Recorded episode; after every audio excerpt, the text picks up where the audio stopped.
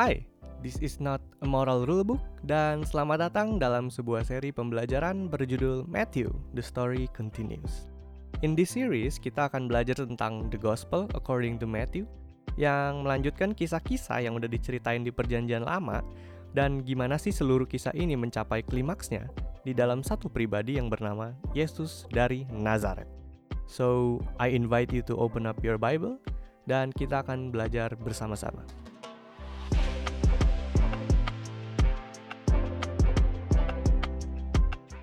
Oke, okay, sekali lagi welcome teman-teman to the series Matthew, the story continues dan di kesempatan kali ini kita akan explore bareng dan belajar bareng-bareng tentang Yesus yang dilihat dari sudut pandang Matius.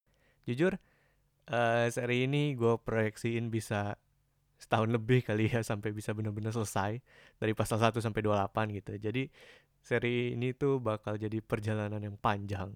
Tapi nggak apa-apa, proses belajarnya nggak akan cepet-cepet, justru itu tujuannya.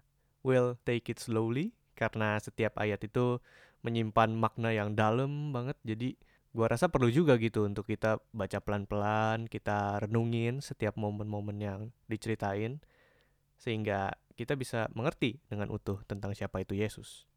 Tapi mungkin pertama-tama gua rasa gue perlu jelasin dulu kali ya kenapa pada akhirnya gue memutuskan untuk menjalankan seri ini jadi seri ini tuh dilatar belakangi oleh perbincangan gue dengan temen gereja gue namanya Jordan. Uh, pada saat itu kita setelah ibadah kita lagi ngobrolin tentang keseluruhan ibadah berjalan, bagaimana firman Tuhan yang disampaikan, dan ada sebuah pertanyaan yang menurut gue penting banget. Dan ini udah menjadi pertanyaan yang gue redungkan beberapa kali juga, udah menjadi sebuah hal yang reflektif ya. Pertanyaannya gini, Apakah Alkitab atau firman Tuhan kita jadikan sebagai makanan pokok atau cuma sebagai suplemen kayak vitamin gitu? Ngerti ya maksud gua suplemen tuh apa ya? Kayak semacam tambahan aja gitu. Karena gak sedikit yang gua temukan entah dari khotbah pendeta ataupun kehidupan jemaat kita yang menggunakan Alkitab sebagai suplemen dan bukan makanan pokok. Contohnya gini, pernah nggak sih kita dengar khotbah yang tipe-tipenya kayak 7 tips untuk memulai tahun 2020 gitu kan. Terus uh, poin pertama mengandalkan Tuhan. Biasanya tuh ayatnya diambil dari Amsal terus bla bla bla bla atau mungkin uh, cara untuk mengalahkan dosa seksual. Terus poinnya ada tiga. Yang pertama itu poinnya apa ayatnya diambil dari mana ya kayak semacam gitu gitu. Atau mungkin dari sisi jemaat yang menuntut ah kita mau khotbah yang praktis. Jangan yang berat-berat ah yang berguna untuk kehidupan kita aja. Ya you know lah ya. Dan gua nggak bilang ini salah. Kadang ada pesan-pesan yang berguna dan bagus banget untuk kita dengar dalam hal-hal yang seperti ini. Tapi kita perlu balik lagi tanya at least ke diri kita sendiri gitu. Apakah kita menggunakan Alkitab atau menjadikan firman Tuhan sebagai makanan pokok dalam kehidupan kita? Atau cuma sebatas suplemen atau vitamin yang oh kayaknya ini nilai berguna buat gue oke gue terapkan ah jadi kayak shopping gitu kan. Dan secara nggak sadar kita lagi mempromosikan pragmatism without the understanding of what the Bible is trying to tell. Sebuah prinsip praktis tanpa adanya pemahaman dari apa yang ingin disampaikan Alkitab. Dan biasanya pembelaan yang diberi itu kayak ah tapi kan firman Tuhan gak cuma untuk diketahui tapi untuk dipraktekkan. Ya bener emang itu tujuan akhirnya. Tapi Alkitab kita kan bukan peraturan moral yang gunanya untuk oh ini boleh, oh ini nggak boleh, lu begini, lu nggak boleh begitu. Bukan itu doang kan? Our Bible is not only for behavior modification, but primarily for renovation of the heart, reordering of the heart that leads to behavior modification. Sehingga melalui seri ini, gue berharap kita semua nggak terjebak di pemikiran yang superficial atau hanya sekedar praktis uh, melihat firman Tuhan sebagai tambahan, tapi actually bisa melihat Alkitab kita sebagai our daily bread, makanan pokok. Dan gak ada cara yang lebih baik selain baca. Ya nggak? Inilah yang akhirnya membuat gua memutuskan untuk, hey, gimana kalau kita buat seri yang mengajak orang-orang untuk actually read their Bible. Alhasil, lahirlah seri ini. Seri ini akan terutama belajar tentang siapa itu Yesus, what he claims about himself, tentang apa yang dia lakukan di bumi ini, dan pembahasan ini will challenge your heart and mind mengenai pandangan lu terhadap Yesus. Apalagi dari Injil Matius ini. There's a reason kenapa kitab pertama yang lu buka di PB itu Matius, right?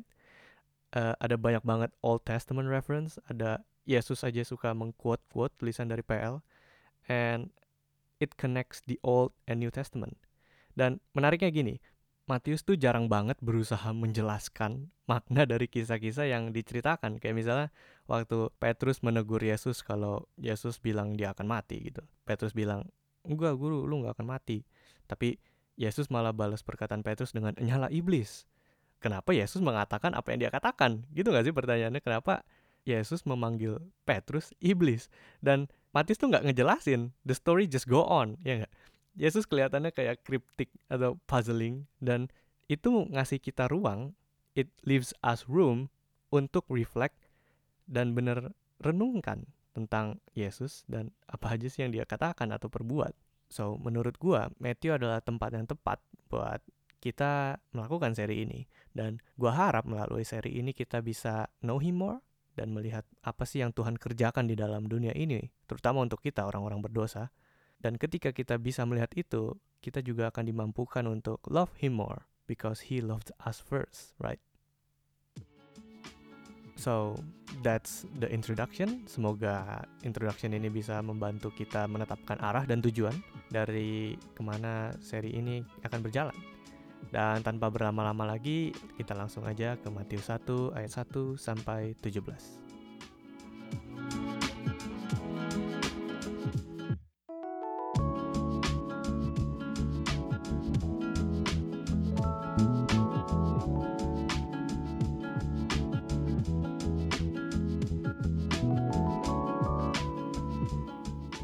Oke, okay, eh, pertama-tama gue kasih tahu dulu kalau gue akan mempost di Instagram gue @kevasjonathan uh, beberapa gambar tentang topik ini yang mungkin bisa membantu kita dalam mendengarkan podcast ini. Hope it helps. Dan buat teman-teman yang belum baca Matius 1 ayat 1 sampai 17, boleh pause dulu podcast ini dan ya, silakan baca. Oke, okay, jadi Uh, pertama-tama mungkin gue perlu jelasin dikit ya tentang background dan tujuan dari kitab Matius. So, kitab Matius itu ditulis untuk menunjukkan kalau Allah tetap memegang janjinya kepada Israel melalui kehidupan, kematian, dan kebangkitan Yesus, Sang Mesias. Jadi kalau teman-teman ingat, perjanjian lama itu ditutup dengan agak menggantung, ya nggak? Ada janji Tuhan yang mungkin belum tergenapi di perjanjian lama Kayak misalnya janji kepada Abraham kalau keturunannya akan menjadi berkat buat bangsa-bangsa lain. Tapi kenyataannya di perjanjian lama Israel sama sekali nggak menjadi itu.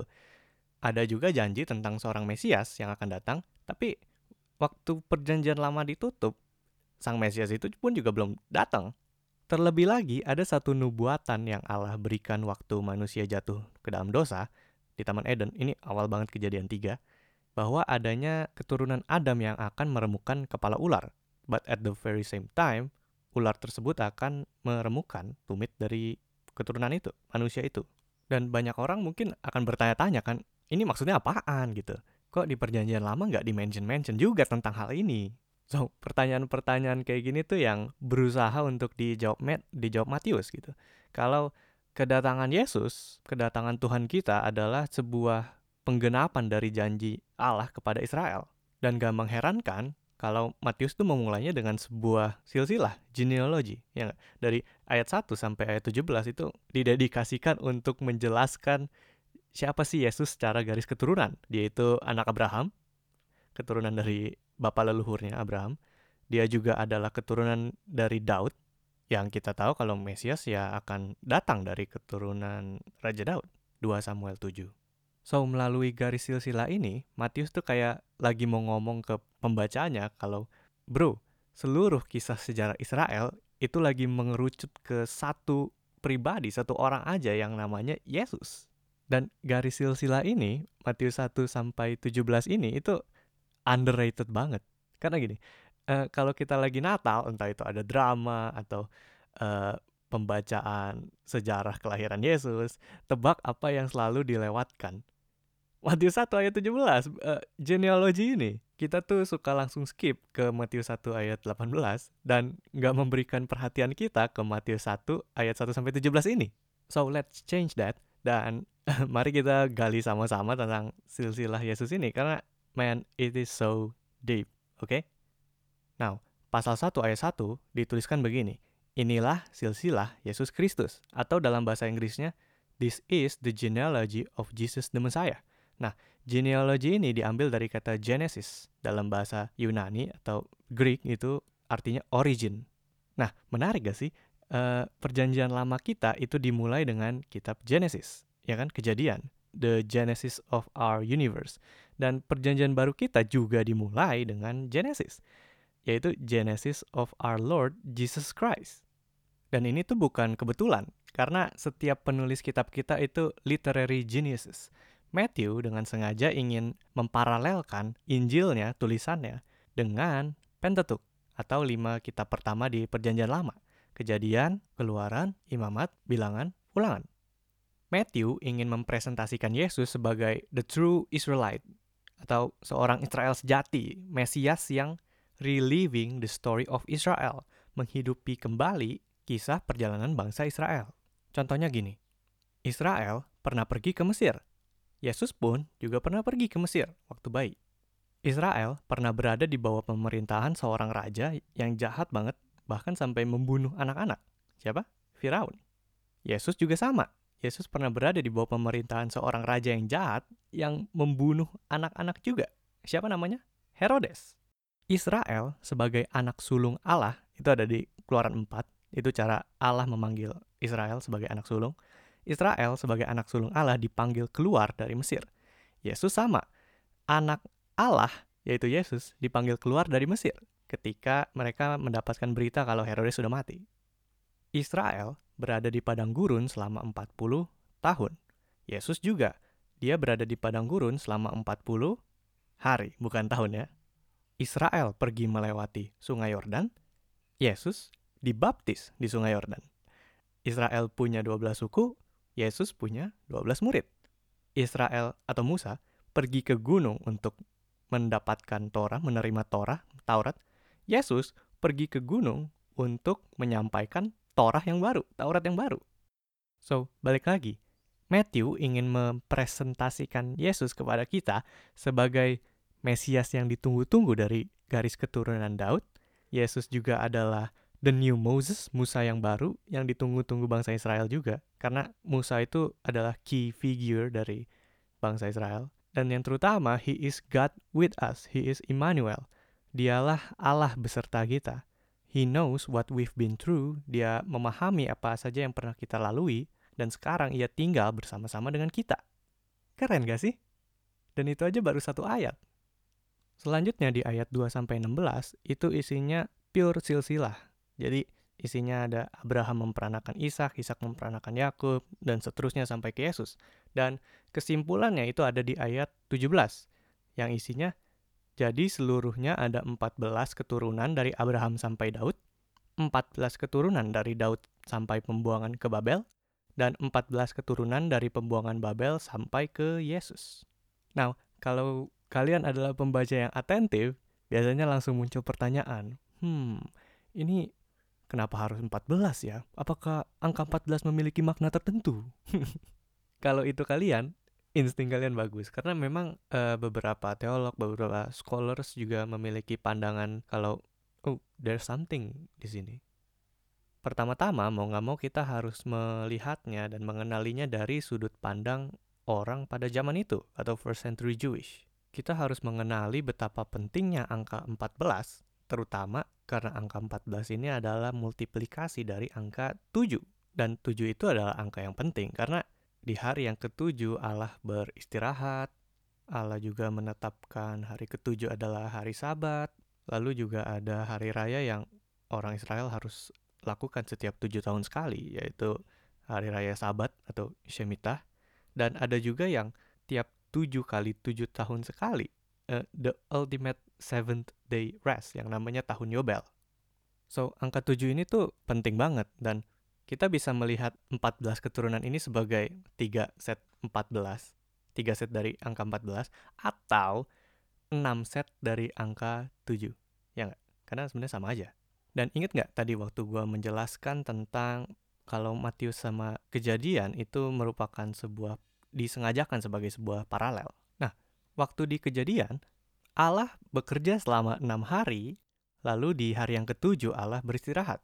So ada enam hari that leads to God taking a rest.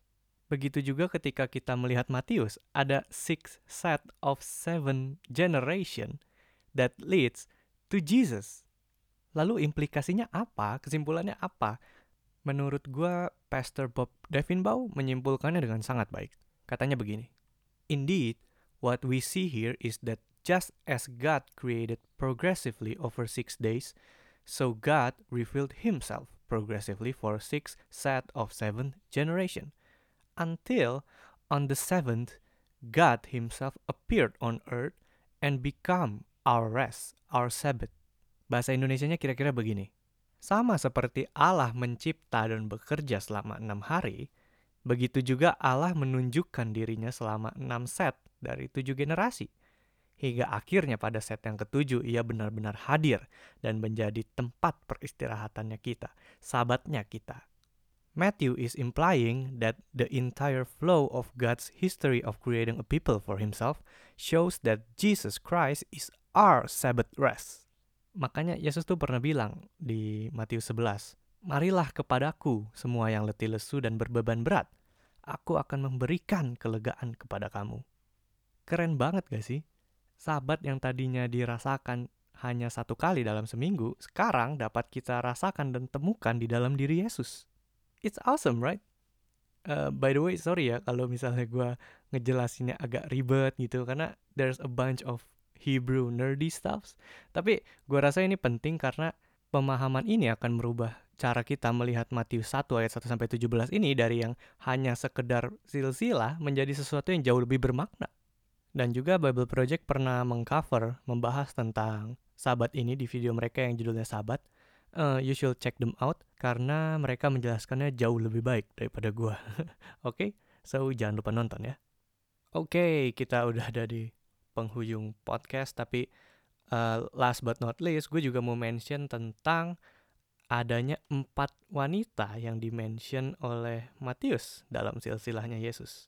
So ada Tamar, Rahab, Ruth, dan Bathsheba. Uh, Sebenarnya lima sih kalau kita mau include Maria, tapi kita fokusnya di empat ini aja, oke? Okay? So, siapa sih empat wanita ini? Bahkan tiga dari empat wanita ini aja bukan orang Israel. So, pertama ada Tamar, dia itu menantunya Yehuda, dan ah, kalian harus baca sendiri. Kisahnya itu ada di kejadian 38 dan it is full of sex scandal, oke? Okay? Kalian baca aja. Kemudian ada Rahab, seorang wanita Kanaan yang membantu pengintai Israel dengan menyembunyikan mereka di dalam rumahnya.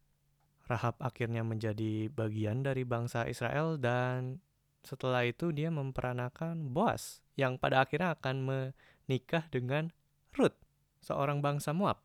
Dan terakhir ada Bathsheba, istri Uria, yang diambil oleh Daud dari Uria. Padahal Daud sendiri pun udah punya banyak istri, tapi dia tetap memutuskan untuk merebut Bathsheba. Dan dari Bathsheba lahirlah Salomo yang seperti kita tahu leads to Jesus. So, walaupun dengan garis keturunan yang agak belibet, ada satu kesimpulan yang gue tarik, yaitu Tuhan tuh nggak terbatas untuk pakai siapa aja untuk menjalankan rencananya. No matter who you are, Tuhan tetap bisa pakai lu sebagai alatnya. Amin, saudara-saudara. Oke, okay, itu jadi fun fact aja sebenarnya. Interesting sih buat gue kalau Matthew include empat wanita ini. So, mungkin ada sesuatu di baliknya dan ya itulah kesimpulan yang gue tarik. Jadi, apa aja yang kita udah pelajari hari ini? Kita udah belajar kalau melalui silsilah ini, Matthew lagi mau nekanin kalau Allah tetap memegang janjinya. The story is not over, malahan the story is reaching its climax through the person of Jesus. Dia adalah anak Daud, seorang yang lahir dari garis keturunan Raja Daud. He is the true Israelite, and God's promised Messiah. He is the new Moses and dia juga adalah Immanuel, God with us, Allah beserta kita. Melalui silsilah ini kita juga belajar kalau Yesus itu adalah sahabat kita. He is our rest dan hanya melalui dia saja kita dapat menemukan kedamaian.